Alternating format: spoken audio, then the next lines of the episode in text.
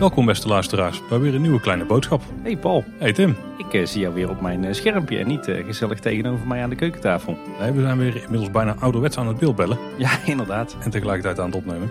Het begint een beetje te, te wennen, maar ik, ik kijk toch wel uit naar het moment dat we weer gewoon tegenover elkaar aan tafel zitten. Of liever nog, dat we naast elkaar eh, op een bankje in de Efteling zitten. Ja, maar wie weet misschien dat onze kinderen dit niet anders kennen straks. Hè? Dat dit gewoon een manier is om te communiceren met andere mensen. Ik hoop het niet. Oei, ik wou net zeggen, dat is wel mijn schrikbeeld, ja. En als we het dan toch over kinderen hebben. Ik vind altijd een van de tofste dingen van met kinderen naar de Efteling gaan... is dat je het park weer door andere ogen ziet. Door de ogen van een kind. Heb jij dat ook eh, met, jou, eh, met jouw dochters? Ja, absoluut. Eh, ik, ik beleef de Efteling nu al op een heel andere manier dan een paar jaar geleden, ja. Kijk, en dan hebben we meteen de kern van deze aflevering te pakken. Want als je natuurlijk ouder wordt en je krijgt meer ervaring... en je moet een keer een contractje tekenen... Een, eh, dat je ergens gaat werken, een huurcontract... misschien ga je een huis kopen, misschien ga je samenwonen, trouwen... Eh, je moet op een gegeven moment ook eh, allemaal grote aanschaffen doen. Hè? Auto's kopen, dat soort fratsen. Eh, je krijgt misschien kinderen op een gegeven moment. Ja. Je krijgt een partner. je leven gaat verder. Je krijgt een keer een andere baan. Daar doe je allemaal een hoop ervaring mee op. Ja. En wat we vandaag eens wilden gaan belichten... is hoe de Efteling zich nu in onze hoofden een beetje verhield vroeger. Dus toen wij nog klein waren. En nu, nu we, zoals we zelf eh, proberen te zeggen... eh, wat meer ervaring hebben en wijsheid. Ja, want de titel van deze aflevering is eh, Ouder en Wijzer, met een vraagteken erachter. Ja, dus die is wel terecht, denk ik. Ouder zijn we wel degelijk geworden de afgelopen jaren natuurlijk. Maar of we ook wijzer zijn geworden is een tweede. Maar het, ja, het thema van deze aflevering is inderdaad vooral hoe beleven wij de Efteling nu. En hoe beleefden we die vroeger. Maar dat hebben we concreter gemaakt dan dat hè. We, we hebben er uiteindelijk per persoon twee top drie's over gemaakt. En ik vermoed dat we nog wel een eervolle vermelding eh, krijgen ook nog. Moet, eh, moet wel hè, voor de kleine boodschap. Meerdere. Eh, en wat we hebben gedaan is dat we drie dingen hebben bedacht. Ieder die vroeger meer indruk maakte op ons dan nu. En andersom ook dat we drie dingen hebben opgeschreven die nu meer indruk maakten dan dat ze vroeger deden. Dus dat betekent wel, tenminste zo heb ik het bekeken natuurlijk, dat de dingen waar dat geval bij is, die moesten er vroeger, en dan bedoel ik een jaar of 20 tot 30 geleden, wel zijn natuurlijk. Ja, inderdaad. Zo heb ik hem ook wel geïnterpreteerd. Overigens voor de duidelijkheid, we hebben er deze keer weer bewust voor gekozen om die top drie's van tevoren niet met elkaar te delen. Want dat maakt het, eh, het verrassingseffect natuurlijk leuker. Zit in potentie overlap in, ja? Ik vermoed het wel. Er staan wel wat dingetjes op mijn lijstje waarvan ik denk van, hm, dat is wel een typisch Paul antwoord. Dat is het nadeel als je al meer dan 150 afleveringen met elkaar een podcast opneemt. Oeh, dan hebben we denk ik overlap, want dan weet ik waarschijnlijk wel welke je hebt bedoeld. ja, inderdaad. Nee, was het voor jou makkelijk om deze lijstjes te maken, Paul? Eh, nee, en dit is ook weer echt zo'n zo'n setje waarbij ik zeker weet dat ik een hoop dingen vergeet. En als ik er eh, misschien nog iets grondiger doorheen was gelopen of nog regelmatig in het park kwam, dat ik dan eh, nog wel meer dingen had die me opvielen en waarvan ik dacht van ja, vroeger inderdaad, toen eh, kon ik er echt uren bij stilstaan en, en, en helemaal door betoverd zijn. En nu denk ik van ja, ik snap niet waarom ik dat vroeger als kind zo interessant vond. En andersom ook dat ik natuurlijk dingen heb waarvan ik dacht, dit is toch wel, wel heel, heel knap in elkaar gestoken van hoe, waarom vond ik het als kind niet boeiend. Ja. Dat kan ik me allemaal wel voorstellen, het waarom. En daar gaan we het ook over hebben dadelijk. Ik vond het moeilijk om te maken. Eh, hij is ook wel redelijk wat eh, gemuteerd in de loop der tijd. Oké. Ik heb een eervolle vermelding, kan alvast spoilen. Maar die heb ik wel ingewisseld tegen een andere weer. Dus er is er eentje die van de lijst af is gevallen op een gegeven moment, maar die ik eigenlijk niet wilde, wilde laten liggen. Nou, tof. Ik ben benieuwd eh, wat je ervan gemaakt hebt. Voor, ik moet zeggen, eh, dit, dit was echt jouw idee. Jij eh, overviel me een beetje met die vraag. Ik dacht eerst, dit wordt heel moeilijk. Ik denk een typische Tim-stijl ben je er meteen ingedoken. ja, inderdaad. Ik kon het meteen weer niet loslaten tot ik mijn top drie's eh, op papier had staan. Nee, ik, ik heb in- intussen wel geleerd na, na het maken van weet ik hoeveel eh, podcast afleveringen. Dat als je een toplijstje moet maken, dat je hem eigenlijk het beste gewoon even uit je mouw kan schudden op gevoel. Als je er te veel over na gaat denken, dan, eh, dan wordt het alleen maar lastiger. Terwijl als je eh, voor de vuist weg eh, even wat antwoorden op papier zet, dat die dan toch krachtiger is. En dat als je dan later nog wat meer over na gaat denken, dat je denkt van ja, dat is hem toch echt. Dus ik heb echt voor de vuist weg, op gevoel, mijn twee top drie's gemaakt. Eh, zit er bij mij niet echt een rangorde in. Ik weet niet of dat bij jou erin zit. Nee, dat is bij mij ook absoluut niet. Nee. En ik heb twee, bij, bij beide top drie's heb ik ook nog een kleine eervolle vermelding. Dus ja, ik heb ze eigenlijk zo eh, uit mijn mouw geschud. En ik ben benieuwd waar wij eh, overlap of verschillen in hebben. He- heb jij trouwens, ben je alleen voor attracties gegaan of is hij breder? Nee, hij is wel zeker breder. Ja. Oké, bij mij ook. Beginnen wij met, eh, met de top drie dingen die we nu meer kunnen waarderen dan vroeger? Of juist met de top drie dingen die we vroeger meer waardeerden dan nu? Ik denk dat we wel meer chronologisch moeten doen. Dus dat we moeten beginnen met de dingen die als kind meer indruk maakten op ons dan nu. Oké, overigens het kleinste draaiboek van Kleine Boodschap dat ik, eh, dat ik ooit heb gemaakt. Dat is ook, past namelijk op één, eh, één memo blaadje. dat is ook de helft, hè? ja, precies. Ehm, nou, ik vind omdat het jouw idee was, Paul, dat jij mag beginnen. Nou, dan begin ik even met eh, een inkopper. Maar ik heb de grootste inkopper misschien nog wel bewaard als laatste van dit rijtje. En mijn nummer één ding waar ik vroeger veel meer van onder de indruk was dan nu, is Carnaval Festival. Dat verrast me niks eh, bij jou inderdaad. Ja. Vertel. Kijk, als kind is daar natuurlijk een attractie en die heeft alles wat je maar zoekt eh, in een attractie. Bonte kleuren, eh, heel, veel, heel veel scènes, volle scènes, veel afwisseling. Volle beweging ook, gekleurde lampen, die vaak ook nog knipperen ook. Vrolijke muziek natuurlijk. Er zit toch een tikje spanning in. Uh, helpt dan toch wel, denk ik. Want Ja. anders is het ook maar zo'n monotoom ding. Dus ik denk dat voor kinderen dat ook... Nou, dat, dat die spanning het dan toch ook wel een soort van... als een kleine overwinning voelt. Dat heb ik natuurlijk over de Afrika-scène vroeger. Zeker in de variant hoe die vroeger in de attractie zat. Maar, het is ook niet te spannend dan meer. En ik denk dat dat totaalplaatje het eh, voor mij als kind zeer indrukwekkend maakte. Maar nu ik er als eh, volwassene naar kijk, is het vooral dat het... Ja, het is een beetje plat, eh, een beetje simpel. Muziek is op zich wel goed, maar die heb ik inmiddels zo vaak gehoord. Daar ben ik echt helemaal tureluur van, van geworden. Het is allemaal iets te rudimentair, zeg maar. Te simpele bewegingen, de vormgeving is net iets te makkelijk. Ik snap wel dat het op een manier stilistisch is, maar... Het is ook wel echt heel erg die tijdsgeest van toen, hè? De jaren tachtig eh, sfeertje met de, het eh, kantoortapijt op de... Nou, eigenlijk overal op. Ja. Daar is niet zo heel veel in gediscrimineerd. Het, is nog steeds wel, het heeft nog steeds wel die eigenschappen van toen. Dus die, die bonte kleuren natuurlijk en die volle, volle scènes en die bewegingen. En dat heeft nog wel zijn charme. Maar ik ben er nou, nou niet meer echt van onder de indruk in. Ik was er vroeger volgens mij redelijk van betoverd als ik daar doorheen ging. Niet zoals in de Sprookjesbos, maar wel gewoon eh, op een manier zeg maar. Dat je denk ik met open mond zit te kijken. En daar herken ik nu ook nog wel in mijn kinderen als die daar doorheen gaan. Nou, het is geen topper voor mij in het park. En ik heb er ook niet super warme gevoelens meer bij per se. Nee, ik krijg altijd de indruk eh, als ik jou zo aanhoor in Kleine Boodschap... dat je toch gewoon een lichtelijke haat hebt jegens uh, Carnaval Ja, nee, daar, daar zet ik dan misschien een beetje aan in, in die gevallen. Maar ik vind het wel een van de, gewoon qua sfeer en stijl, een van de mindere dingen in het park. Ja. Oké. En vroeger had ik daar echt geen enkel gevoel voor of bij of interesseerde me helemaal niks. Als kind vond ik het wel gewoon helemaal de bom. En dan wilde ik daar ook heel vaak heel graag in. Maar eh, rationeel gezien volg ik jou, maar heeft het Carnaval Festival voor jou ook niet een soort van eh, eeuwigheidswaarde of een soort van iconische waarde? Voor mijn gevoel, als ik het nu zou moeten zeggen, nee. Er komt misschien wel verandering in als ze ooit zeggen van we gaan hem echt afbreken. Maar ik denk dat dat wel meevalt. Oké. En, en ik zie overigens wel, eh, ik vind het op zich, het concept is niet slecht.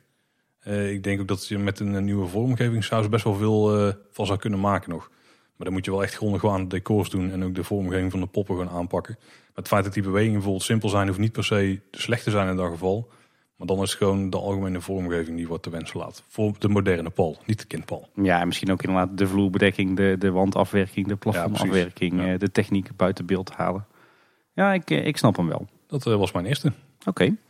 Ik moet zeggen, ik heb, ik heb qua, in, in tijd heb ik mijn eh, lijstjes iets breder opgezet dan, eh, dan jij, denk ik. Eh, bij mij hoeft het niet per se te zijn eh, dat ik iets als kind eh, eh, meer waardeerde of, eh, of juist minder waardeerde. Maar ik heb echt, eh, ja, laat ik het zo zeggen, eh, nu eh, afgezet tegen ja, de periode van eh, eh, ongeveer vijf jaar geleden tot 34 jaar geleden. Oh, dat is dan het heb. Dus ik heb hem net iets anders gepakt eh, dan jij. Ik denk eh, daardoor niet per se eh, minder leuk. Nou, ik ben wel heel benieuwd naar natuurlijk. Ja. En de eerste die op mijn lijstje staat is het, eh, het eh, achtbanen aftikken. Of een, eh, een coaster bingootje doen, eh, om het zo maar te noemen. Nee, ik weet dat eh, als kind was ik niet zo van de achtbanen. Dat is bij mij eh, ongeveer op mijn tiende begonnen. Grappig genoeg met een bezoek aan Bobbejaanland op de basisschool. Dus nog niet eens in de Efteling. Mijn allereerste achtbaan was ook de Looping Star in Bobbejaanland. En eh, die dag dat ik daar was, heb ik meteen daar alle achtbanen in Bobbejaanland gedaan. En de, keer erop in Efteling ook alle Efteling achtbanen zo'n beetje. Maar goed, mijn liefde voor achtbanen is een beetje rond mijn tiende begonnen. Ik kwam toen natuurlijk al, eh, al heel lang in de Efteling, sinds mijn vijfde eh, wel wekelijks. Maar ik ben zo ergens rond het jaar 2000 in contact gekomen met andere Efteling-fans. Toen was ik 14 jaar oud en vanaf dat moment ben ik ook echt volle bak ieder weekend de Efteling ingegaan met andere Efteling-fans. En eh, zeker in de jaren eh, nog voordat ik eh, kinderen had, was het altijd wel een, een gewoonte om, als je dan toch in de Efteling was en er stonden niet al te veel wachtrijen, om toch even te proberen alle achtbanen af te tikken op een dag, weet je wel? Dit herken ik wel hoor. Ja, natuurlijk was je met je, met je vrienden, ging je ook lekker de tijd nemen voor een rondje Sprookjesbos. veel foto's maken, terrasje pakken, wat entertainment kijken. Maar eh, op de een of andere manier was het altijd wel een soort van ongeschreven regel dat je op een dagje Efteling dan ook echt wel even alle acht banen deed.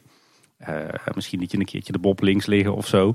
Maar eh, zeker de Python, Vogelrok, Joris en de Draak, of daarvoor zelfs nog Pegasus, die moesten toch altijd wel gedaan worden.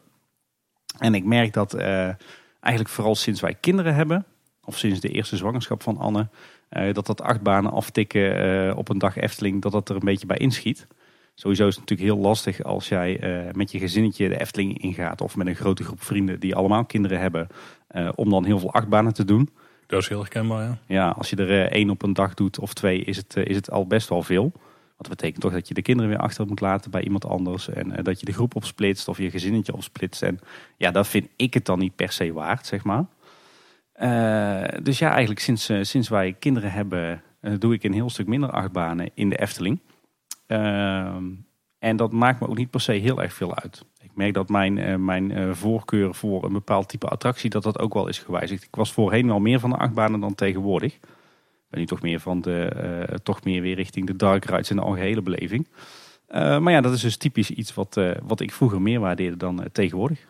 Geldt overigens ook voor andere parken. Nou, nou is het wel zo dat we dan wel een paar keer hebben gehad de afgelopen jaren nog, als we dan toch met z'n tweetjes, of in ieder geval zonder kinderen op pad gingen, bijvoorbeeld omdat de kinderen op de opvang zaten en wij stiekem nog een dagje vrij hadden. Dat we dan wel een paar keer dat stiekem toch nog hebben gedaan. bijvoorbeeld, me meestal gaan we dan zo na de zomervakantie een dagje naar Fantasialand. En dan doen we toch nog even gauw alle achtbanen daar. of bijvoorbeeld Midzomernacht, dat was daar ook zo'n mooi moment voor. Weet je wel, de kinderen bij de oppas en, of de kinderen bij mijn ouders of, of mijn schoonouders. En dan toch nog even gauw al die achtbanen doen. Maar je merkt dan toch dat je, dat stiekem, uh, dat je daar stiekem minder goed meer aangewend bent dan in het verleden. Op een of andere manier denk ik ook dat als je niet zo heel veel achtbanen meer doet, dat je dan het, uh, het ook een beetje verleert. Dus dat je toch sneller uh, misselijk wordt, zeg maar. Nou, we hebben inderdaad ook dat gedaan toen de, de, eerste was geboren. Toen hebben we gewoon de eerste momenten dat volgens mij de Efteling tot acht uur open was geprikt. En met z'n tweeën de kinderen even bij grootouders gezet. En snel nog drie uurtjes naar het park alle achtbanen even af te gaan. Ja. Dat moest dan wel gebeuren, ja. Die uh, hadden we wel gemist samen. Klinkt heel herkenbaar, ja. ja. Die ervaring hadden wij volgens mij de, de eerste midzomernacht nadat, uh, nadat onze eerste dochter was geboren. Uh, die was toen inmiddels een half jaar oud. inderdaad, gewoon lekker thuis te slapen gelegd. Mijn ouders hier in huis. En lekker samen naar midzomernacht. En toen hebben we inderdaad eerst even gauw een heel rondje Efteling gedaan. Alle achtbanen afgetikt. Om daarna natuurlijk al acts te gaan kijken en te genieten van de sfeer. Maar dat zijn dan wel de uitzonderingen. Uh, als je nu kijkt naar een gemiddeld bezoekje Efteling, dan, uh, dan doen we daar eens een keer een achtbaan uh, met behulp van de baby switch of met behulp van vrienden. Maar echt een coaster bingootje doen in een park, dat is lang niet meer zo vanzelfsprekend als vroeger. Nee, op een gegeven moment worden kinderen ouder, dan krijg je de kans weer. Ja. ja, en ik moet ook zeggen, als wij in het, bijvoorbeeld in het buitenland op vakantie zijn en we bezoeken een park waar we nog nooit eerder zijn geweest of waar we in ieder geval al lang niet zijn geweest, dat we dan altijd wel proberen om toch 1, 2, 3 achtbaantjes uit te zoeken die echte toppers zijn in dat park. Uh, al is er maar eentje, dat kan ook natuurlijk. Uh, en om die dan uh, om en om toch even te doen. Bijvoorbeeld als de kinderen hun middagdutje doen. Even gauw om en om die topper van een achtbaan in.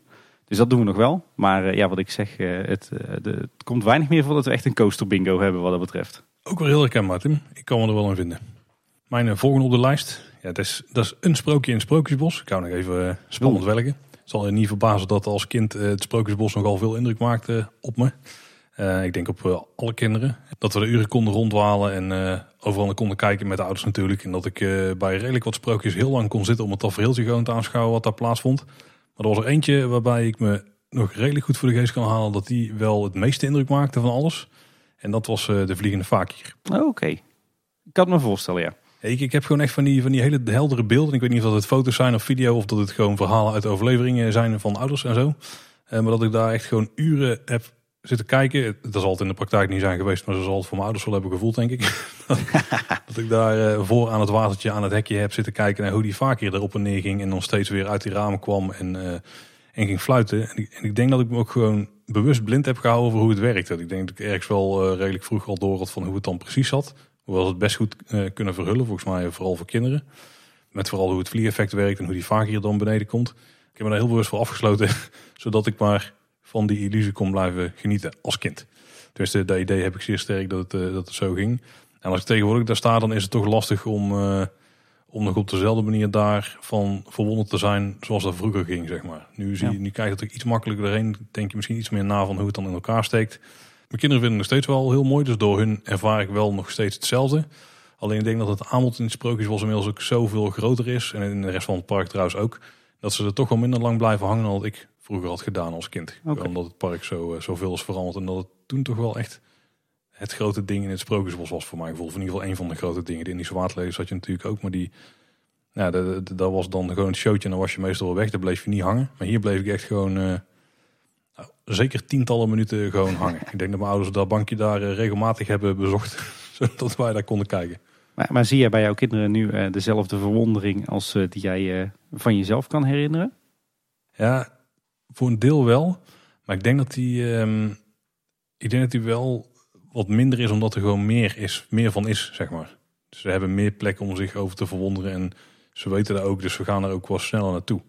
Vroeger had je gewoon wat minder, waardoor je ook misschien wel langer bleef hangen bij dingen om dezelfde tijd uiteindelijk besteed te hebben, zeg maar. En denk jij ook dat ze wijzer zijn nu eh, dan, dan wij vroeger waren? Dus dat ze nu sneller doorhebben eh hoe de techniek werkt, hoe eh, de illusie wordt gecreëerd?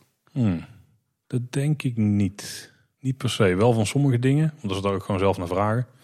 Maar je merkt bij kinderen wel dat ze heel makkelijk nog willen geloven in het verhaal wat wordt verteld. Ja. Eh, en dat ze het eigenlijk gewoon niet, niet echt naar vragen. Maar sommige gevallen wel hoor. Dan is het wel van, eh, hoe zit dat papa? Want ze weten toch wel dat ik het weet. en, en ook graag vertel. Ja. Dus eh, maar ik denk dat het wel vergelijkbaar is. Misschien dat wij vroeger zoals kinderen nog praktischer waren ingesteld dan de kids nu. Ja, die, die vooral gewend zijn aan de games en de animaties en, Ja, en al digitale trucjes. Ja. en die de, de fysieke trucjes minder goed kennen. Ja. Oké, tof. Ja, bij mij eh, eentje waar ik misschien wat korter over kan zijn. Eh, de Piranha. Die is bij mij van het lijstje afgevallen net. Kijk, leuk. Eh, kijk, eh, laat me eh, duidelijk zijn. De Piranha is een ontzettend leuke attractie. Eh, een van de beste en in ieder geval mooiste eh, wildwaterbanen die ik gezien heb in de wereld. Eh, ook misschien het meest spannende en onverwachte. Omdat je natuurlijk heel veel kanten op kan met je bootje ten Mhm. opzichte van andere rapids. Eh, en ik ging daar vroeger altijd met ontzettend veel plezier in. Zeker natuurlijk in de warme zomers. eh, zeker op de, de ouderwetse zomeravonden dat het park nog tot 12 uur open was. Ja, dat was een ritje Piranha heerlijk. Dat was het juist vooral op die zomeravonden als de baan schitterend was uitgelicht. Eh, mooi groen ook natuurlijk. Ja, ik gewoon een pareltje van een attractie die wat mij betreft nog steeds echt wel die eh, 9 plus ervaring heeft. Eh, maar ik merk dat ik daar de laatste jaren toch steeds minder vaak inga. Eh, vooral vanwege de praktische component. Eh, dus dat je denkt van ja, weet je, eh, laat mij maar lekker buiten, buiten wachten bij de, bij de jonge kinderen of de mensen die niet meegaan. Want eh, ik heb helemaal geen zin om nat te worden. En mijn, mijn telefoon dan en mijn rugzak dan en alle spullen die we bij hebben en gedoe, gedoe. Dus ja, dat merk ik dan toch wel aan mezelf. Dat, dat de zin in een ritje Piranha steeds, steeds minder is geworden. Wat eigenlijk stom is, want ik heb me altijd voorgenomen om, om zoals de Engelsen dan zeggen, grow up but never grow old. Dus om eh, dat soort dingen niet om eh, praktische redenen eh, te laten. Maar ik betrap mezelf er toch wel een beetje op. Ik heb bij Piranha heel erg dat ik me later pas besefte waar die attractie ook echt om draait. En dat is helemaal niet het feit dat je per se door een mooie omgeving heen gaat en dat je daar, ja, wat er met jouzelf gebeurt. Het gaat juist om je gezelschap daar. Heel die attractie die wordt gemaakt door wat er gebeurt met de andere mensen in jouw bootje. En in sommige gevallen ben jij dan die andere persoon voor de rest die in het bootje zit. Wie gaat er nat worden dadelijk, zeg maar. Die Ja. spanning heel de tijd, heel de attractie, dat is echt wel heel die attractie omdraait. En heel stom en heel naïef, maar dat kwartje dat viel bij mij dus pas eh, een paar jaar geleden. Toen ik er ook weer eens een paar keer in was gegaan met, dus al met een groep eh, vrienden en niet gewoon met z'n tweeën of zo. Want anders een stuk minder. Als je gewoon een gevuld bootje hebt met allemaal mensen die je kent, dat is de leukste piranha. Ja, dat is leuk. Dat is lachen, ja. Ja, ja ik, moet, ik kan het nog steeds wel waarderen. Maar ik meen dan toch dat ik vaak denk van ja, ik heb eh, even geen zin om zeiknat te worden. Ondanks dat het eh, eh, bijvoorbeeld eh, lekker warm is in de zomer. Want dan denk je, ja, allemaal geen zin in en op gedoe. Laat maar hangen. En dat heb ik dan ook wel bij andere wildwaterbanen in andere parken. En dat vind ik ergens wel een beetje jammer. Misschien dat ik toch eens wat meer werk moet maken van ja, er toch gewoon ingaan en lak hebben aan het feit dat ik dan misschien nat word. Ik kan me wel voorstellen dat als je als kind erin gaat, dat vooral de dubbele waterval, die links en rechts dan van je zit, dat die best wel episch voelt. Dan voel je volgens mij net, eh, een, eh, wie, wie, wie splitste de Rode Zee? Was dat Jezus? Eh Mozes toch? Mozes, oh ja, maar dat klinkt logisch. Ja. Dat, eh, dan voel je net de Mozes, zeg maar, eh, in je hoofd ook al ken je Ja. heel die gast niet. Ja. Er, er zitten wel inderdaad wel heel indrukwekkende stukjes in, zeker als je ook wat kleiner bent. Want sommige stukken dat je tussen die rotsen doorgaat, dan voelt het ook best wel groot en wijd. Zeker als je wat kleiner bent en de schaal allemaal in het, eh, in het voordeel speelt, zeg maar. Ja, ik moet wel lachen. Ook toevallig tijdens zo'n eh, zo'n dagje Fantasieland zonder kids eh, twee jaar terug. Eh dat hadden wij al van tevoren gepland natuurlijk. Eh, en toen was het echt pestweer. en we gingen naar Fantasieland. dus we hadden onze, toch onze regenkleren aan. en toen dachten we, nou, als dat dan toch zo is, dan gaan we gewoon lekker twee, drie keer in de River Quest en twee, drie keer in Chapas. Wat wat mij betreft ook echt toppers van waterattracties zijn. dus dat was even de omgekeerde wereld. Toen kon het wel, toen werden we toch niet nat. ja, ja. Maar goed, dat is dus typisch weer zo'n voorbeeld van iets wat ik vroeger meer waardeerde dan nu.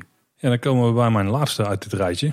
En dat is wat mij betreft een beetje het prototype voorbeeld van attracties waarbij dit het geval is. Um, in dit geval waren trouwens dus wel alle drie attracties. En dat is uh, Python. Oh. En dat heeft ook wel echt te maken met gewoon het verlopen van tijd en, uh, en de wereld waarin we leven, zeg maar. Want vroeger was de Python natuurlijk echt die super indrukwekkende achtbaan. Hè? Hoog, snel, ging over de kop, was heel groot. Echt zo'n zo'n ingewikkelde constructie van stalen leek het als je er niet al te lang op lette als klein kindje. Maar op een gegeven moment, ja, dan, dan leer je een beetje hoe achtbanen werken. En dan moet ik zeggen, op dat moment wordt hij nog indrukwekkender. Want dan besef je pas van, oh, die zit toch echt wel heel erg vernuftig in elkaar. En uh, ook qua veiligheid en, uh, en zo is het allemaal goed geregeld. Maar dan ga je de wereld verkennen. En dan verstrijkt de tijd. En dan komen er andere parken en die gaan hun achtbaan aanbod starten of uitbreiden. En dan komen er toch een hoop meer indrukwekkende achtbanen in de buurt staan. En daardoor raakte de Python eigenlijk ja, beetje bij beetje die, die status van superachtbaan meer kwijt, zeg maar. Mm Sterker nog, ik denk dat op een gegeven moment bijna een soort instapachtbaan was. Ik noem het altijd de prototype achtbaan, want je hebt gewoon echt niks spannends qua layout. Het is, je gaat naar beneden, twee loopings, bochtje, twee kurkentrekkers en nog, nog een helix en dan ben je er weer uit, zeg maar. Gewoon eigenlijk drie elementen aan elkaar geplakt met een, eh, met een bocht ertussen. Het is echt een, eh, een golden oldie, hè? Of ja, misschien uh, moet je eerder zeggen een krakkemikkig oudje. Nou, inmiddels is hij niet zo krakkemikkig meer dan. Nee. en, hij, en hij is nu al beter te doen dan uh, voorheen. Tenminste, de beginjaren, toen had ik er helemaal geen problemen mee. Toen mocht ik er nog niet in trouwens. Maar, de, uh, zeg maar vanaf het moment dat ik erin mocht, toen was het volgens mij een prima achtbaan. En de laatste jaren voordat hij ge, geretracked werd, ja, toen was het natuurlijk wel minder. Het was vroeger echt een, een achtbaan met status. En het was echt een, super uitdagende achtbaan waar je... Ja, waar je die je echt moest overwinnen als je Efteling-fan was, zeg maar. Of als je Efteling-liefhebber was. Of dat, zo voelt het in ieder geval. En die status heeft het gewoon echt kwijtgeraakt. Niet omdat je dan op een gegeven moment die achtbaan hebt overwonnen. Maar gewoon omdat er veel meer indrukwekkende achtbanen zijn. Die, ja, die veel spectaculairdere dingen doen. En veel interessantere layouts hebben. En veel verrassender zijn, zeg maar, dan, dan de Python. En ja, daardoor is hij uh, voor, voor mij nu gewoon een stuk minder indrukwekkend dan vroeger. Ik moet ook zeggen dat je had net over achtbaan aftikken, daar herken ik absoluut. Maar de achtbaan die ik dan vaak links liet liggen was dan toch Python. Ook omdat hij op dat moment niet zo uh, heel soepel meer reed. Dat ik die nekpijn, uh, dat het me die niet waard was, zeg maar. Maar de andere achtbaan in het park vond ik uh, veel interessanter dan Python. Oké, begrijpelijk. Die had ik bij jou misschien ook wel aanzien komen inderdaad. Beetje wel, hè? Ja, ja bij mij nummertje drie op de lijst is entertainment. Ja, daar heb ik nog over zitten twijfelen. Ja, maar vertel ik ben eigenlijk nog steeds best wel uh, liefhebber van entertainment in pretparken. En zeker ook in de Efteling. Maar vroeger was dat nog veel erger. Uh, ik denk dat ik uh, best wel durf toe te geven dat ik best wel een tijdje echt entertainment gekkie ben geweest. ik weet nog wel dat zelfs als, als klein jongetje, toen ik met mijn opa iedere week naar de Efteling ging, dat we toch zeker in de zomermaanden eigenlijk tijdens ieder bezoekje wel in het zomertheater eindigden bij een van de vele shows. Ik kan me Showtime met Pardoes nog wel goed herinneren. Maar natuurlijk zeker de twee sprookjesshows. Uh, die, de eerste Efteling sprookjesshow van 96, 97 en de nieuwe Efteling sprookjesshow van 98 tot en met 2001. Ja, ik heb echt die show echt honderden keren gezien bij de shows.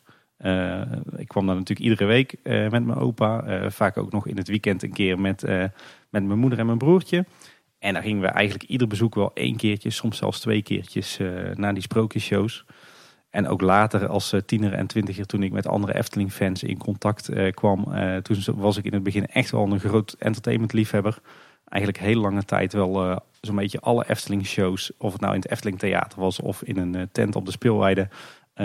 volop bezocht. Eigenlijk vrijwel altijd wel één of twee keer per bezoek. Ook nog een heleboel andere acts met veel plezier gevolgd. Ook groot fan geweest van de enige echte Efteling fanfare bijvoorbeeld. Um, dus ja, je komt me echt in mijn, uh, mijn jeugdige jaren, tot en met ergens zo halverwege de twintiger jaren, wel echt een, een entertainment gekkie noemen. Of in ieder geval een groot liefhebber. Kwam misschien ook wel omdat ik in die jaren natuurlijk heel vaak in de Efteling kwam. En dan had je ook de tijd om eens een keer een show te doen goed, eh, zeker in de jaren dat ik met Efteling-fans eh, optrok, eh, dan tikte je zo tien attracties af in, in een paar uurtjes tijd. En dan was zo'n show uh, of, of een andere entertainment act altijd een zeer welkome afwisseling. Ja, en dan ook echt wel op, op een manier dat je de liedteksten kende en meezong. Dat je de acteurs op een gegeven moment ging kennen. Uh, dat je de kleine verschillen zag. ja, ik kon er altijd volop van genieten. En ik merk toch dat dat de laatste jaren een beetje is, ja, je zou kunnen zeggen, genormaliseerd. Ik ben nog steeds wel een, een entertainment liefhebber, maar niet meer dat ik per se ieder bezoek een aantal acts hoef te zien. En nu zie je, je ziet nu wel de laatste jaren dat het nu alweer wat aantrekt uh, nu ik kinderen heb. Nu bij ons zijn bijvoorbeeld Jokie en Jet en Ravelijn ontzettend populair. de Sprookjesbos Show wordt ook steeds populairder. en bijvoorbeeld het allereerste wat wij altijd doen als we binnenkomen in de Efteling is toch even een handje gaan geven bij de Efteling figuren op het Dwarrelplein. Uh, dus dat komt wel weer. Maar ik merk toch dat het bij mij uh, de liefde voor Efteling Entertainment langzaam maar zeker minder is geworden. Als ik bijvoorbeeld alleen al kijk naar de zomeravonden. Wij maakten er vroeger echt een sport van. Om op de eerste avond zo'n beetje alle acts al een keer gezien te hebben. Terwijl de laatste paar jaar merk ik dat we ja, op een avond twee pleinen zien misschien. En dat we op het eind van het, het zomerseizoen nog niet eens alle acts hebben gezien. Dus ik merk toch dat entertainment in die zin wel minder belangrijk wordt. Maakt het ook minder indruk, denk je? Of uh, het vroeger meer indruk op je maakt ook? Ja, en of dat nou, uh, nou ligt aan uh, de, de kwaliteit en de variëteit en de afwisseling van het entertainment. Of aan wat ik zelf gewend ben, durf ik niet te zeggen. Ik neig naar het eerste. je had natuurlijk vroeger in de Efteling veel meer acts en veel meer afwisseling tussen de seizoenen. je hebt natuurlijk een hele lange tijd gehad dat je ieder jaar een andere parkshow had. En dat je veel meer straattheater had veel meer shows in de verschillende rijken. Uh, dat is nu allemaal een stuk minder. Het is ook minder afwisselend, want heel veel van die acts die wij nu kijken, die, die zijn eigenlijk jaar in jaar uit toch hetzelfde. Dus ik denk dat het daardoor ook wel minder wordt. en ik denk dat ik nu vooral entertainment kijk op dit moment, juist voor de kinderen. Nou vind ik het nog steeds niet vervelend hoor. Ik ga met heel veel liefde naar bijvoorbeeld Ravelijn. het is echt niet zo dat ik echt dat alleen voor de kinderen doe. Uh, maar het is vaak wel hun wens die de aanleiding is. En als ik er dan toch zit, dan zit ik wel echt te genieten. En als je dan uh, toch weer aardig wat shows ziet op een jaar, dan ga je op een gegeven moment wel weer de acteurs herkennen en bepaalde uh, inside jokes zien en een bepaalde lijn erin zien, wat ik dan toch heel leuk vind om mee te maken. Maar het is toch minder intens dan vroeger. En misschien is dat ook maar wel goed hoor, want ik was wel echt een entertainment gekkie en ik weet even niet of ik me daar nou voor moet schamen of trots op moet zijn. Dan laat ik aan de luisteraars over. Als je jaren hebt gehad met uh, bijvoorbeeld uh, 100, uh, 150 bezoeken op een jaar. Ja goed, dan, dan, dan is er ook meer tijd voor entertainment hè? Ja, die heb je dan wel, maar die moet je dan wel ervoor pakken natuurlijk ook. Want ja. ik zou dat persoonlijk niet echt doen denk ik. Ik had, ik had er wel minder mee. Ik heb wel ook die sprookjeshows, zeker in het zomertheater, heb ik wel veel gezien. Maar ik denk dat dat misschien tientallen keren is verdeeld over alle jaren heen, zeg maar. Misschien een keer of zes per jaar of zo, denk ik ik stelde de vraag hier thuis van, om even te checken dat ik niet een paar opzichtige dingen was vergeten. Mhm. En toen werd dit ook meteen genoemd. Ook echt specifiek de, de shows in het zomertheater. Oké.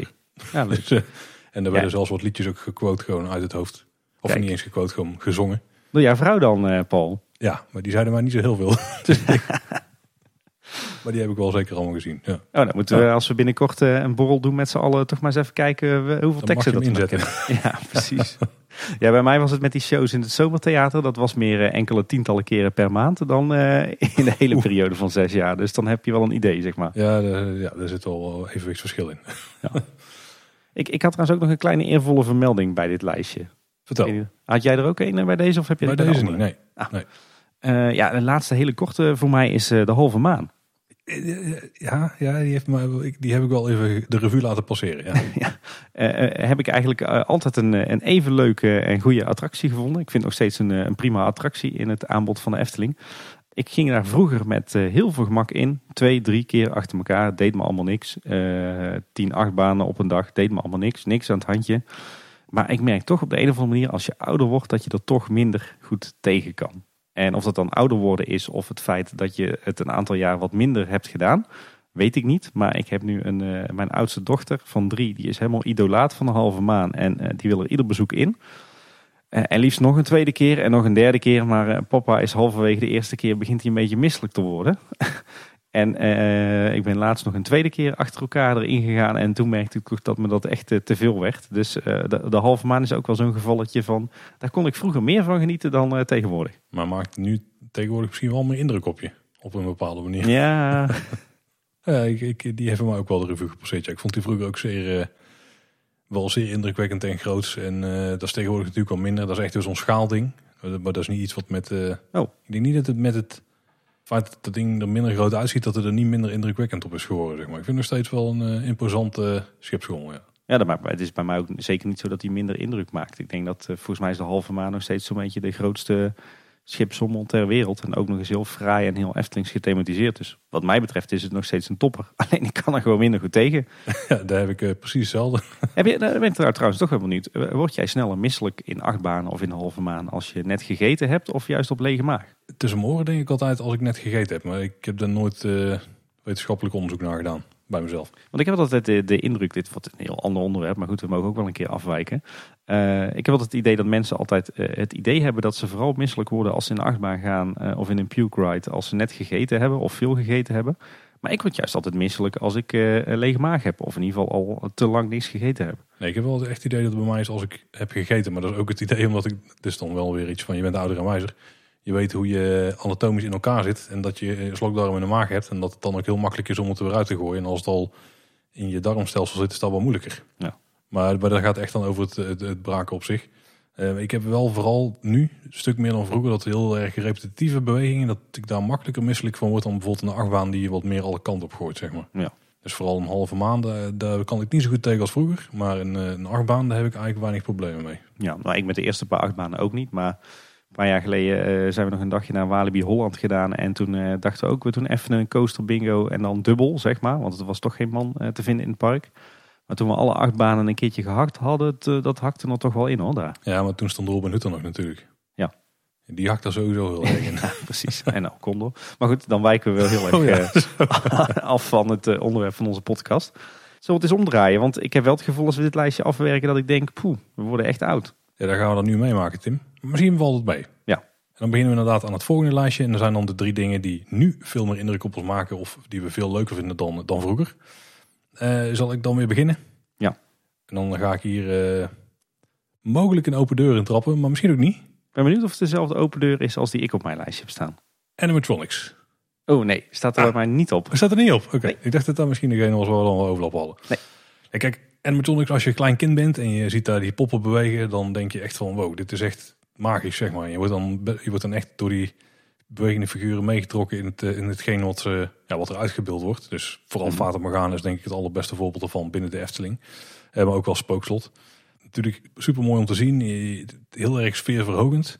Maar nu ik ouder ben en wijzer ben en ook eh, een beetje wat meer dingen van techniek weten en hoe het werkt, ben ik het eigenlijk nog meer gaan waarderen. Want je weet welk eh, vernuft erin zit en welke slimmigheidjes erin zitten. Hoe simpel, hoe geniaal simpel sommige bewegingen zijn. Sommige technieken, hoe die dan worden gemaakt, zeg maar. En dat je ook weet inmiddels, en ook uit praktijk, in de praktijk weet hoe dat gaat, hoe lang ze mee moeten gaan. En dat ze het gewoon iedere dag in, dag in, dag uit moeten doen. Ja, dan maakt ze voor mij nu nog veel indrukwekkender dan dat, ze, omdat ik ze vroeger alleen al vond als, veers, als sfeerscheppers, zeg maar. Dus ik heb nu bij animatronics, als die zie, dan zie ik echt gewoon het vernuft wat erachter zit. En hoe knap het eigenlijk is dat ze het voor elkaar krijgen om die dingen na al die jaren nog steeds enigszins tot gewoon heel soepel te laten bewegen. Met technieken die af en toe zo simpel zijn, dat ze gewoon echt aan het geniale grenzen als ze daar niet gewoon al zijn. Ik eh, kan animatronics nu nog veel meer waarderen dan vroeger. Ja, en dan gaat het jou dus vooral om inderdaad de, de, de techniek erachter en het feit dat je je daarvan van bewust bent. eh, en niet zozeer om de illusie die animatronics eh opwekt. Nou, het, feit, het feit dat ze er alle twee nog steeds kunnen doen. Dus dat het is en die techniek waarvan je weet het is zo slim, maar dat ze daarmee nog steeds kunnen bereiken. En dat ik nog steeds heel makkelijk voor mezelf eh, me toch kan overgeven aan die verwondering, zeg maar, van eh, wat er gebeurt en waar je bent. En het, dat ze die sfeer maken. Die combinatie die is het vooral. Dus de, de, de ene deel, dat was het vroeger al. Mhm. En toen maakten ze al om die reden veel indruk. Maar tegenwoordig is het nog veel meer, omdat je ook weet wat erachter zit en hoe ze dat doen. En ik vind dat echt machtig interessant als je van die opengewerkte animatronics ziet. Dat is voor mij al een attractietje op zich, zeg maar. Bijvoorbeeld in het Efteling Museum. Om die, die kabels een beetje te volgen. En, en gewoon, eh, ja, hoe hetgeen wat daar dan staat uiteindelijk voor die, grote, voor, voor die grootste verwondering zorgt in die attracties. Ik vind dat echt... Als we een top 3 hadden gehad, dan was dit misschien wel mijn nummer 1 geweest. Maar dat was dan Ja. geen verrassing nu in mijn denk ik. Eh, het valt me ook ineens op dat we al over best wel veel van deze items eh, afleveringen hebben gemaakt. We hebben natuurlijk een top 6 met acht banen eh, gemaakt. Een keertje bij Kleine Boodschap. We hebben een keer een aflevering over ons favoriete entertainment gemaakt. Of een aflevering over onze favoriete animatronics. Het probleem is natuurlijk dat we al heel veel afleveringen hebben gemaakt. Hè? ja, dat is waar. Tikken we er automatisch een hoop op. Ja. Maar goed, dit is geen jubileumshow. Nee. Ik heb denk ik een andere inkopper, maar misschien wel een verrassende inkopper in een lijstje met, met zaken die ik nu meer waardeer dan vroeger. En dat is het Sprookjesbos. Gras voor de voeten. Oh, ja, hij staat er bij jou ook op? Ja, dat is de volgende. Ah, kijk. Eh, ik, ik ga hem toch even doen dan. Eh, dan moet jij me dadelijk maar aanvullen. Het, het, het, het rare is namelijk dat je bij het Sprookjesbos toch zou denken... eh, van het Sprookjesbos maakt het meeste indruk op je als kind. Hè, dat hoor je ook altijd. kinderen, mensen gaan met hun kinderen naar de Efteling. De kinderen raken verliefd op het Sprookjesbos. Dat nemen ze mee in hun leven. En dat geven ze later weer door aan hun eigen kinderen en kleinkinderen. En het gekke is eigenlijk dat het bij mij zo helemaal niet gelopen is. Eh, toen ik eh, begon als jong jongetje eh, naar de Efteling te gaan, was dat dus in eerste instantie vooral met mijn opa. En dan hadden wij iedere week een beetje hetzelfde ritme. Dan kwamen we binnen bij ingang West. Een ritje Droomvlucht, een ritje Villa Volta. Even wat eten bij de Gulden Gaarde of het Witte Paard. Dan het Carouselpaleis met natuurlijk het Waterorgel en het diorama. En in plaats van dat we dan het Sprookjesbos deden, gingen we of naar het Noorderpark voor Carnaval Festival of Monsieur Cannibal of de Pagode. Of we gingen naar het Oosterpark voor de Game Gallery en Pocket Marina en de Oude Tufferbaan. Of we gingen naar het Zuiderpark voor eh, de Fata Morgana. Maar we gingen eigenlijk zelden of nooit naar het Sprookjesbos. Ja, ja goed, we kwamen er natuurlijk wel eens. eh, maar als je ziet dat we iedere week in de Efteling rondhingen, kwamen we eigenlijk relatief weinig in het Sprookjesbos. En toen ik wat ouder werd en ook wat vaker met, eh, dus met mijn, mijn moeder en mijn broertje naar, het, naar de Efteling ging, kreeg het Sprookjesbos bij ons al sneller een naam van ja, dat is kinderachtig. Dat is vooral voor kleine kinderen. Dus ook toen ben ik eigenlijk zelden of nooit in het Sprookjesbos geweest. Bij mij is eigenlijk de omslag gekomen eh, zo rond het jaar 2000 weer. Dus toen ik voor het eerst in aanraking kwam met andere Efteling-fans. En al vrij snel eh, een paar keer per week met, eh, met groepjes Efteling-fans naar de Efteling ging. En toen is het vooral, is, die, is die liefde voor het Sprookjesbos pas echt ontstaan. Dus toen ik een jaar of 14, 15 was. Dat kwam toen wel echt meteen goed in ontwikkeling. Want ik weet dat wij, zeker in die, in die eerste paar jaar, heel vaak eh, de hele ochtend vulden met een rondje Sprookjesbos. Dus dat we twee, drie uur lang in het Sprookjesbos rondliepen. eh foto's maken, eh, alle showtjes kijken, op zoek naar de mooiste details. eh, discussiëren over wat nou typisch pieks eraan was. Eh, toen is eh, die liefde voor het Sprookjesbos wel echt eh, ontstaan. Eh, en die is nu natuurlijk alleen maar groter geworden nu ik eh, zelf eh, twee dochters heb. En eh, nu het Sprookjesbos echt eh, ja, eh, niet mag ontbreken aan een dagje Efteling. Eh, ik kan me niet meer heugen dat wij een bezoek aan de Efteling brachten en dat we niet in het Sprookjesbos eh, rondliepen. Of eh, we starten daar de dag, of we eindigen daar juist de dag, of het is juist een perfecte eh, activiteit voor eh, de middag. Eh, dus ja, ik ben er in de loop der jaren alleen maar vaker en vaker eh, eh, heb ik er tijd in besteed. Eh, en je merkt nu ook, eh, nu ik eh, zelf dus kinderen heb, dat we misschien niet meer ieder bezoek eh, het hele Sprookjesbos zien. Maar dat we toch een aantal eh, sprookjes zien of een klein gedeelte van het Sprookjesbos eh, bezoeken. Maar dat we daar dan wel weer alle tijd nemen. Want die kids die willen het liefst eh, ieder showtje twee, drie keer zien. Die willen het liefst het hele verhaal horen. Die willen het liefst nog een keer en nog een keer. En papa vindt dat natuurlijk helemaal niet erg. Want dan heeft hij alle tijd om die sprookjes te bewonderen. Dus ja, gek genoeg is bij mij de liefde voor het Sprookjesbos pas echt een beetje zo rond mijn 14e, 15e jaar ontstaan. En heeft daarna echt wel een, een vlucht genomen. Deels door eh, eh, andere Efteling-liefhebbers en nu vooral eh, door het feit dat ik een eigen gezinnetje heb. Ik kan hem dan denk ik overnemen, want voor mij geldt een beetje hetzelfde. Bij mij is- die, die liefde voor het Sprookjesbos er altijd wel geweest. Ehm, bij mij is vooral de waardering, die is heel erg veranderd. Ik heb vroeger heb ik er nooit echt bij stilgestaan, maar het is voor en kinderen en volwassenen gewoon een hele fijne plek om te zijn in het park. Ja. En als je een kind bent, ja, dan interesseert het je niks. Je wil gewoon eh, naar wat tafereeltjes kijken of naar wat dingetjes die jou vermaken. eh waar wat beweegt en waar een verhaaltje wordt verteld, want het doet natuurlijk goed bij de kids. Maar nu daar als volwassene naar kijk, dan, dan besef ik me pas van hoe slim het eigenlijk in elkaar zit. En hoe, hoe die charme is gemaakt, zeg maar, die ervoor zorgt dat het en voor die kinderen zo interessant is. Maar ook voor die volwassenen, dat er ook voor die mensen heel veel te ontdekken is. Zeker als je kinderen hebt, maar ook als je die niet hebt, dan is het gewoon eh, misschien ook door die herinneringen van vroeger. En misschien helpt dit totaalplaatje daar wel gewoon, gewoon aan dat, dat dat zo is. Maar daardoor ja, ben ik het nog meer gaan waarderen dan, dat het vroeger, dan dat ik het vroeger al deed. Vroeger was het gewoon echt een plek voor wat simpel vermaak. En nu is het ook nog een plek waar dan heel veel historie in zit. Ook voor de Efteling specifiek, die het dan ook nog wel versterkt, zeg maar. Ehm, en, en ik denk ook dat de sfeer op mij als kind wel minder binnenkwam dan dat die nu binnenkomt. Ja, het is denk ik ook een, eh, een bepaalde gelaagdheid die je ook ziet in heel veel kinderfilms en kinderanimatiefilms. Hè? Het is vermakelijk voor de kinderen, maar als je als volwassene kijkt, uh, dan krijg je net uh, die, die zwarte humor mee, of die details, of die leuke knipogen en verwijzingen. En die doorvertaling kan je ook maken naar het sprookjesbos. Het, het, is niet alleen die verwondering en dat sprookje dat wordt verteld, maar het is ook inderdaad de historie, de architectuur, uh, de hand van Piek en van de Ven, de vele details, de indrukwekkende technieken, ja, noem maar op. Ja, gewoon de natuur inderdaad, die je vroeger misschien bijna voor lief nam. Want en waarvan je nu toch denkt van, goh, dat dit in een attractiepark staat is toch wel heel indrukwekkend. Ja. Dus uh, er zijn wel inderdaad, dat is misschien wel de beste manier om het te zeggen. Er is wel meer gelaagdheid bijgekomen en al die laagjes op zich kan ik allemaal extra waarderen. Ja. En ook het feit dat je ze meekrijgt. En je kinderen zien genieten is natuurlijk ook een extra laag. Die, uh, daar moeten we eerlijk over zijn, dat telt ook heel erg mee. En ik denk ook wel, uh, wat ik net al misschien niet zo heel erg goed zijn, maar het feit dat je dus die herinneringen hebt van vroeger nog. Mm. En dat je die nou weer meeneemt en dan weer en kunt projecteren op je kinderen. Maar ook gewoon dat je nog steeds weet van, ja, toen ik hier 30 jaar geleden rondrende als klein jongetje, toen was het er ook allemaal al. En heel veel Ja. dingen die zijn niet eens zo heel veel veranderd. Nee. nee, en voor mij is het, ik merk wel dat ik bijvoorbeeld dan, eh, als ik dan mijn eigen kinderen zie genieten bij zo'n sprookje. En eh, dat ze zeggen van, joh papa, ik wil echt nog een keer zien. Dat ik daar echt wel eh, een beetje vlinders van in mijn buik krijg hoor. Bijna trots op bent, hè? Ja, inderdaad. Ja. Ja, ja, ja. nee, het Sprookjesbos is, is voor ons nu toch echt wel het, het hart van de Efteling. Niet alleen eh, fysiek en letterlijk, maar ook wel eh, ja, op een mentale manier. Dat is wel, eh, daar, daar draait het wel een beetje om. Daar is een, een hele organisatie het helemaal mee eens volgens mij. Ja. Als je zelf door te praten. Ja, dit was in principe ook mijn tweede. Dus je mag meteen door naar jouw tweede, Tim. Oké. Nou, Ik heb een beetje een outsider. Ik ben benieuwd of jij hem accepteert, Paul. Oh, oké. Het golfpark. Eh, bijna goed. Nee. Iets wat ik nu veel meer waardeer dan dat ik vroeger deed, is eh, de Pegasus. Ja, oké, ja. ik, denk, ik denk, waar gaat het heen? Ja, vertel. onze, onze jongere luisteraars, eh, dat was de voorganger van Joris en de Draak, ook een houten achtbaan. Goed, en toen ik dus vanaf mijn tiende jaar ongeveer in achtbanen begon te gaan, nou, toen heb ik ook met veel plezier de Pegasus heel vaak gedaan. Maar ik vond het maar een beetje een ja, middelmatig baantje, niet extreem spannend. Eh, we, we, deden het vaak wel, maar het hoefde ook niet per se. Het was gewoon een leuk baantje en niet meer dan dat. En eh, inmiddels is de Pegasus dus verdwenen. Hebben we Joris en de Draak ervoor in de plaats gekregen. Ben ik zelf ook wat ouder geworden. eh, andere dingen gaan waarderen. En wat ik nu dus merk is eh, dat ik de Pegasus eigenlijk veel hoger acht dan heel veel andere houten achtbanen van dit moment. Kijk, weet je wat het is? Eh, Joris en de Draak, maar ook bijvoorbeeld, eh, nou, noem eens een dwarsstraat, Troy, eh, Wodan, eh, en zo nog een paar van dat soort moderne houten achtbanen van GCI.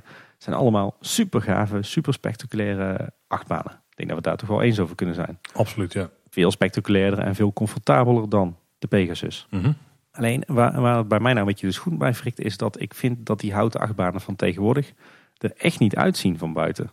Het is, het is, het is toch een beetje vaak een, eh, een rommeltje, een ratje toe. eh, het, het loopt, schiet alle kanten op de baan. eh, en voor mijn gevoel speelt het uiterlijk, dus zeg maar het aanzicht van buiten, een niet al te grote rol. De achtbanen moeten vooral spectaculair, uniek en comfortabel zijn. En veilig. En veilig. Ja, die neem ik even voor lief. Maar de Pegasus was echt een schitterende baan om te zien aan de buitenzijde. Had een prachtige silhouet. Eh, was één groot bouwsel van, eh, ja, als je het van een afstandje zag, eh, luciferhoutjes. Hè, dat was één grote massa van hout. Lag heel mooi ingebed in het groen. Lag ook prachtig aan, aan de kanovijver in het water met zijn voetjes. En op de zomeravonden werd hij ieder jaar weer prachtig uitgelicht. Ieder jaar weer net met wat andere kleurschakeringen. Maar dat kon hij goed hebben. Die prikkabel langs de lift. Het was echt een, echt een plaatje aan de buitenzijde. En dat is ook iets wat je, wat je terugziet bij andere oudere houten achtbanen. En sowieso houten achtbanen aan, eh, uit eh, de eerste helft van de 20e eeuw. Is dat die er eh, van buiten allemaal schitterend uitzagen. Hè? Denk ook aan al die achtbanen zoals je die kent in de stadspretparken. en parken zoals een, een Coney Island en een Blackpool Pleasure Beach. Typisch die, die pretparken die je vindt op pieren. Die zagen er allemaal schitterend uit aan de buitenzijde. En onze Pegasus had dat ook. Maar voor mijn gevoel was dat wel een beetje een van de laatste houten achtbanen die dat had. Eh, en doet het uiterlijk aan de buitenzijde er bij hedendaagse houten achtbanen eigenlijk niet meer toe. En dat mis ik wel een beetje. Maar zou je dan liever een houten achtbaan hebben die leuk is of die mooi is? Nou, vroeger zou ik zeggen leuk. Maar met de kennis van nu, misschien toch liever een mooie houten achtbaan. Ja, want wat ik dus denk, en daar maak ik die veiligheidsopmerking net ook. Dat volgens mij een heel groot verschil is met achtbanen nu en toen, is dat ze toen gewoon rechte buitenkanten hadden. Die gewoon verticaal naar beneden lopen, zeg maar. Terwijl die moderne houten achtbanen, die zijn allemaal wat schuiner naar buiten gestut, omdat die G-krachten daar wel anders in komen. Omdat die ook wel spectaculairder zijn. Misschien dat daar die silhouet heel erg bepaalt. En ik snap ook wel jouw punt dat ze alle kanten op schieten. Want ik denk dat wat ik persoonlijk het mooiste van de Pegasus is gewoon de manier waarop die in het groen lag. Ja. Dat is wel echt, ja, die lag echt gewoon ertussen, zeg maar. Ertussen geschoven bijna. En uh, daar heeft Joris en de Draak absoluut niet. Maar ik, ik neem het wel uh, voor lief, zelf persoonlijk. Ja, en, en, je hoort nu ook veel Efteling-liefhebbers van... Goh, uh, de Bob is jarenlang ondergewaardeerd. Nu, en nu, daar komen we nu achter nu die weg is. Ik denk dat het bij de Bob op zich wel meevalt. maar ik denk dat juist de Pegasus heel erg ondergewaardeerd is. Want de Pegasus was echt wel een lust voor het oog hoor. Ja, maar dat was het dan ook wel. Want de rit was inderdaad best wel saai, kort, niet super comfortabel. Nee. Toch niet allemaal dingen die ik graag zoek in een attractie. Nee, maar het was wel iets waarvan ik dacht toen ik eh, de, de, de, deze, deze lijst eh, maakte. Toen uh, kwam je ineens boven ploppen. Dus vooral het aanzicht in die hoek waardeerde je veel meer dan, dan nu. De esthetica. Ja, en, wat je ook merkte is, vroeger was het echt, moest echt alles hout zijn. Er zaten natuurlijk wel wat stalen wasbalken in, maar die waren dan ook mooi geverfd. En je merkt dat het tegenwoordig minder compromisloos is. Dat, dat houten achtbanen, dat daar steeds meer staal in zit en uh, steeds minder hout. En uh, vind ik toch jammer. Ik vind die klassieke houten achtbanen, uh, ja, die zijn echt een lust voor het oog. Oké, dan mijn derde. En dit is misschien een hele makkelijke. Maar ik kon hem gewoon niet laten liggen, want het is gewoon wel echt waar. En dat is het park in het algemeen. Gewoon de Efteling aan zich. Ik ben benieuwd hoe dat je die uit gaat leggen. Maar ik denk dat, die een, de, de, dat het goed is dat ik uh, een bepaald item heb doorgeschoven naar de eervolle vermeldingen. Oké.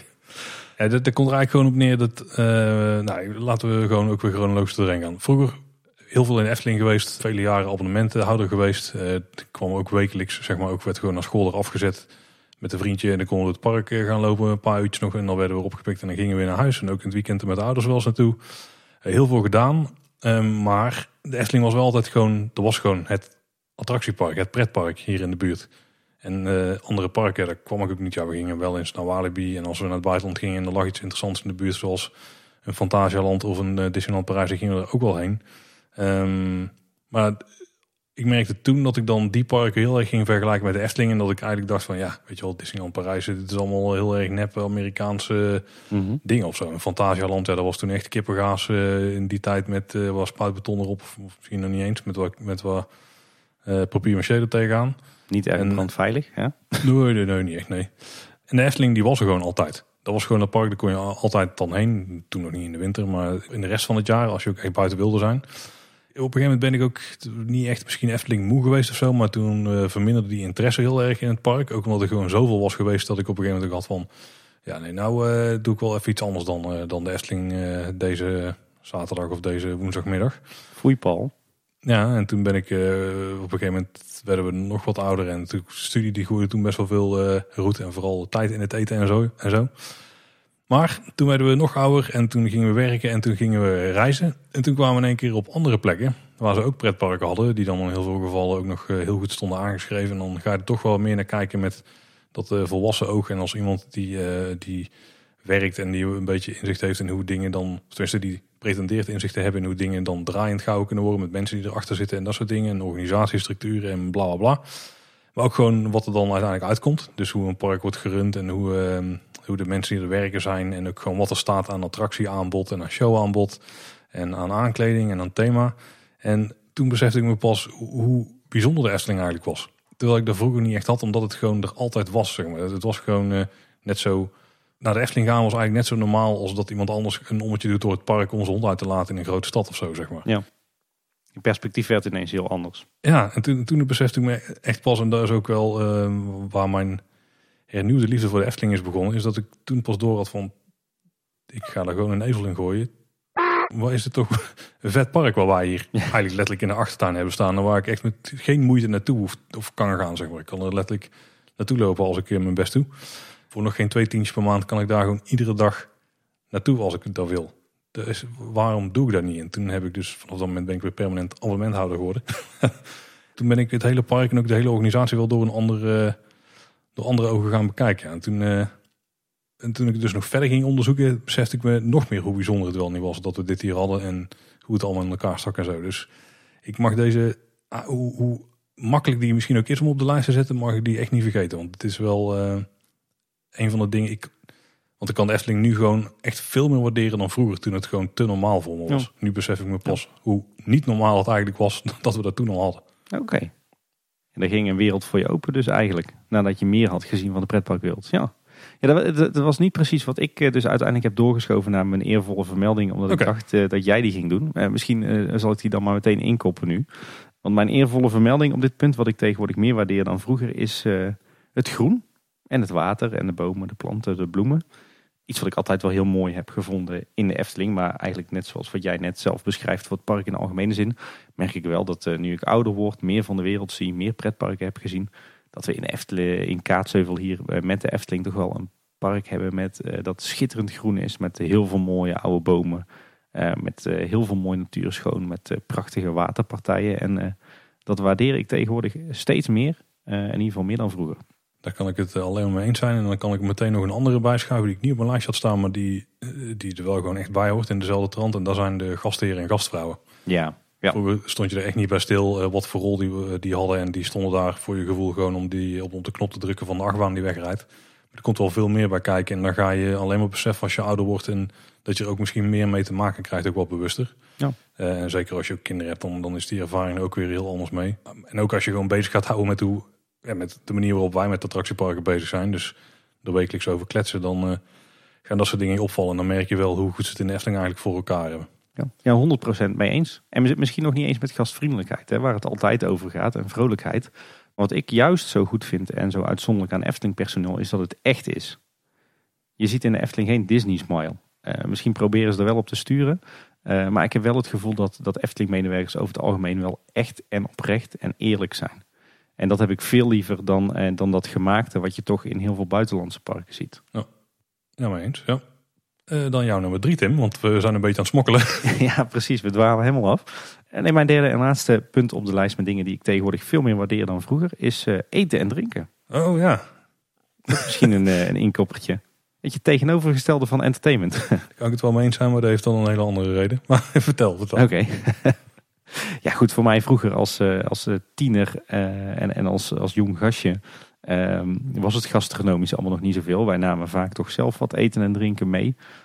Je kent het wel, de broodjes, de krentenbollen, de flesjes, de blikjes drinken, dat soort gedoe. En, en culinair was het, bleef het in de Efteling vaak bij mij bij een soft ijsje, een frietje van de smul en een bami schijf. En met mijn opa gingen we in oktober altijd, als het echte soepmaand was in het Witte Paard, gingen we er altijd eh, echte soep met roggebrood en spek eh, eten. Dus dan eh, spreek ik over medio jaren negentig. Maar, maar dat was het als kind wel zo'n beetje, qua culinair avontuur in de Efteling. Misschien ook wel omdat het aanbod toen ook niet heel veel spannender was dan eh, een hotdog en een milkshake en een soft ijsje en een frietje. Eh, maar ik merk dat eigenlijk eh, dat dat gaandeweg eh, steeds meer in een stijgende lijn is gekomen. En dat eten en drinken en daarvan genieten, dat dat steeds belangrijker voor me is geworden. Zeker de laatste jaren. Heeft misschien ook wat te maken met het budget wat je beschikbaar hebt. Maar ik kan steeds meer genieten van lekker in de Efteling lunchen. Lekker in de Efteling eten s'avonds. een terrasje pakken voor een drankje, een biertje. Eh, een lekkere swirl of een ander soft ijsje. eh, een pannenkoek bij Polles Keuken. Een keertje uitgebreid tafel bij het Wapen van Ravelijn. Ik noem maar een dwarsstraat. Dat eh, speelt voor mij wel een steeds belangrijkere rol. Ook weer al die leuke nieuwe signature snacks die je her en der ziet opduiken. En waar heel veel aandacht voor is tegenwoordig. Ik kan er echt wel van genieten. Vroeger was voor mij eten en drinken echt maar bijzaak. Eh, en ik merk dat eh, tegenwoordig een, eh, een belangrijk deel van een Efteling bezoek vaak toch wel opgaat aan het eten en drinken. Ik kan het er ook helemaal mee eens zijn. En maar is het ook zo dat ik het nu sowieso meer kan waarderen omdat ik het überhaupt meekrijg. Want bij ons was vroeger ook inderdaad, de broodjes gingen mee, er gingen wat drinken mee. Het hooguit een frietje gekocht en café-restaurant of panorama, welkom net wat de naam ook op dat moment was. Daar moest je ver weg blijven, want dan moest je gaan zitten en bestellen bij iemand en dat was hartstikke duur. Dus daar moesten we absoluut niet komen. dat was gewoon. Het was inderdaad Het was te veel guldens toen, hè? ja, het was gewoon een frietje, een snack en een ijsje. En dan hadden we het wel gehad wat we uitgaven in het park. En misschien een snoepje. Maar dat was dan vooral eh, die, die gulden die ik meekreeg om eh, twee stroopsoldaatjes te halen bij, eh, de, bij de Witte Walvis. Ik, ik kan me er wel in vinden, ja. Bij mij is het de, net iets andere twist aan het begin. Ja. Want wij ontweken het dure eten gewoon. Dus dan valt er ook weinig te waarderen. Ja, dat was bij ons waarschijnlijk ook een van de oorzaken hoor. Ja, goeie, ja. Ik heb nog één eervolle vermelding, Tim, in deze categorie. En ik kan me bijna voor mijn kop slaan dat het überhaupt het geval is. En ik denk dat jij het virtueel gaat doen hier door het schermpje heen dadelijk. Het Huis van de Vijf Zintuigen. Bijzonder. Ik stond er denk ik een jaar of acht geleden een keer onder. En toen viel in één keer pas dat kwartje wat voor een gigantisch en complex ding het eigenlijk is. En hoe knap het wel niet is dat ze dit hebben gebouwd. En hoe, wat een onwaarschijnlijk grote uitdaging dat, eh, hoeveel, hoeveel jaar staat het ding er nou? 15, 16 jaar geleden wel niet geweest had moeten zijn. Om er überhaupt te bedenken dat het een goed idee is om aan zoiets te beginnen, zeg maar. Ik, ik denk dat ik daar echt gewoon een jaar of 6, 7 gewoon met een strakke, wat zeg ik nou, 15, 16 jaar geleden, dat is 25 jaar geleden al. Ja, ik wil het zeggen, 25 jaar geleden alweer. Ik ben er denk ik gewoon echt een jaar of eh 12 eh, tot 15 gewoon al, als een, met een soort oogkleppen op doorheen gelopen. Met het oog gericht op was op de achtbanen en de darkwizer, denk ik. Ik, heb er echt gewoon, eh, ik ik ben er gewoon echt heel blind voor geweest, heel veel jaren. Grappig, dat wist ik op, helemaal op niet. een joh. gegeven moment viel het kwartje. Toen dacht ik echt van, wow, hier heb ik echt wel... Die waardering hiervoor, die, die heb ik echt wel onterecht gemist al die jaren. Ja, als er één app pretpark entree is die het wow-effect geeft, dan is het toch wel ons huis van de vijf zintuigen. Ja, maar daar denk ik ook wel weer niet dat het gewoon het park was hier in de buurt. En daar werden toch al redelijk onwaarschijnlijke dingen gedaan. En je ziet het ding ook opgetrokken worden. Tenminste, daar heb ik toen niet zo heel veel van meegekregen, denk ik. Want die was er op een gegeven moment gewoon. En het was ook net in die periode dat het bij mij een beetje begon af te zwakken allemaal. Hoe vaak ik in het park kwam. Mhm. Ja, die al de keren dat ik daarna kwam, toen was ik gewoon een dagjesbezoeker. En toen ben ik denk ik echt gewoon als een dolle zo snel mogelijk door die ingang heen gereisd. Ja. En misschien heb ik het toen wel meegekregen of zo, maar het is pas eh, daarna echt gekomen dat ik, dat ik er heel bewust bij stil heb gestaan en, en het eens heb bestudeerd, zeg maar. Oké, grappig. Ja, dat was bij mij heel anders. Ik was toen, even kijken, 95 werd hij gebouwd. Ik was toen volgens mij 9 jaar oud. En ik heb die bouw echt op de voet gevolgd eh, samen met mijn opa. Ik heb nog zelf bouwfoto's staan maken als een ware Efteling-fan eh avant la lettre. Dat bij. Wij, wij hebben die bouw echt, eh, echt heel bewust gevolgd. En ook dat we daar dan, eh, voordat we dan parkeerden bij ingang West, gingen we dan eerst even kijken bij het, eh, het Huis van de Vijf Zintuigen. Dus ja, zo heb ik het echt wel op de voet gevolgd. En daarom heb ik altijd wel beseft eh, hoe enorm eh, bijzonder dat, eh, dat het Huis van de Vijf Zintuigen eigenlijk wel niet is. Ja, dat is dus echt gewoon een aantal jaar gewoon volledig aan mij voorbij gegaan om een of andere bizarre reden.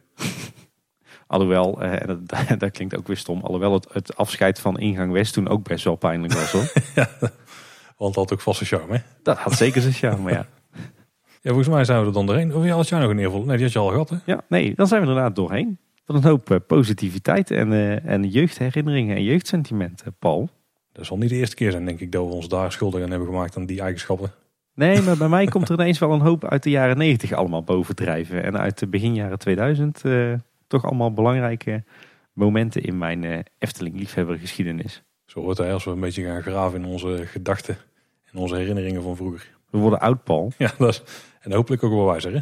Misschien- even om deze aflevering te dateren. Hoe, hoe oud ben jij inmiddels? 36. Kijk, en ik heb 34, dus eh, we worden oude lullen. Ja, ik heb al genoeg grijze haren, dus eh, daar ligt het in ieder geval niet aan. De uitstraling die heb ik al mee. Dus zijn we, we zijn ouder, zijn we ook wijzer? Op sommige gebieden vast, op andere gebieden vast nog steeds niet. Nee, voor, voor mij wordt het toch wel een, eh, een aandachtspunt eh, dit jaar om eh, toch eens wat vaker in de Piranha te gaan. Ja, en ik eh, moet toch nog eens grondig het Huis van de Vijf Zintuigen gaan bestuderen, denk ik. Lijkt me een goed plan. Misschien al was een traantje wegpinken bij een toekomstig afscheid van de Python. Nee. Eh, luisteraars, hebben jullie ook nog herinneringen van vroeger? Of, of dingen die jullie vroeger veel meer konden waarderen dan nu? Of juist misschien andersom. Dingen die nu veel meer indruk maken dan dat ze vroeger deden toen je nog een klein kind was. Dan eh, horen wij dat ook graag, hè? Ja, zeker. Eh, met een beetje geluk, als we wat leuke reacties krijgen, kunnen we er weer een, een aparte bonusaflevering van maken. Ja, zeker. Lijkt me tof, ja. Ik ben dan ook benieuwd of dat er dingen tussen zitten die ik echt gewoon glad vergeten ben. Want die kans acht ik nog steeds heel groot. Die kans is vrij groot, ja. Dat is wel het nadeel als je voor eh, top 3's kiest en niet voor top 5's of top 10's natuurlijk. Nou, het mooiste is natuurlijk dat het wel echt super subjectief is. Dus wat dat betreft eh, kunnen we er alles nog van maken wat we willen. Ja, en het, zet- het zet de zaken ook wat meer op scherp, denk ik. Maar heb je in ieder geval nog zelf dingen, dan eh, mag je die absoluut onze kant op sturen. Denk er zelf ook eens over na, best een leuke oefening. Dat kan op veel verschillende manieren. De makkelijkste is waarschijnlijk in dit geval ons contactformuliertje of de mail. Het contactformuliertje vind je op kleineboodschap.com en het e-mailadres is info.kleineboodschap.com. Ja, en ben je korter van stof, eh, in eh, tegenstelling tot ons, eh, dan kan je ons ook bereiken via social media. Op Twitter zijn we @kboodschap, op Facebook en Instagram zijn we Kleine Boodschap. En verder zijn we natuurlijk ook te vinden in alle gebruikelijke en ongebruikelijke podcast apps. Uh, we zijn te vinden in Spotify, op YouTube zelfs. Maar daar vind je nog niet zo heel veel terug van ons. En we vinden het ook leuk als je op ons abonneert, als je ons een rating geeft of een review. Zeker. Dat was in ieder geval voor deze week. Bedankt voor het luisteren. Tot de volgende keer. En houdoe. Houdoe waar.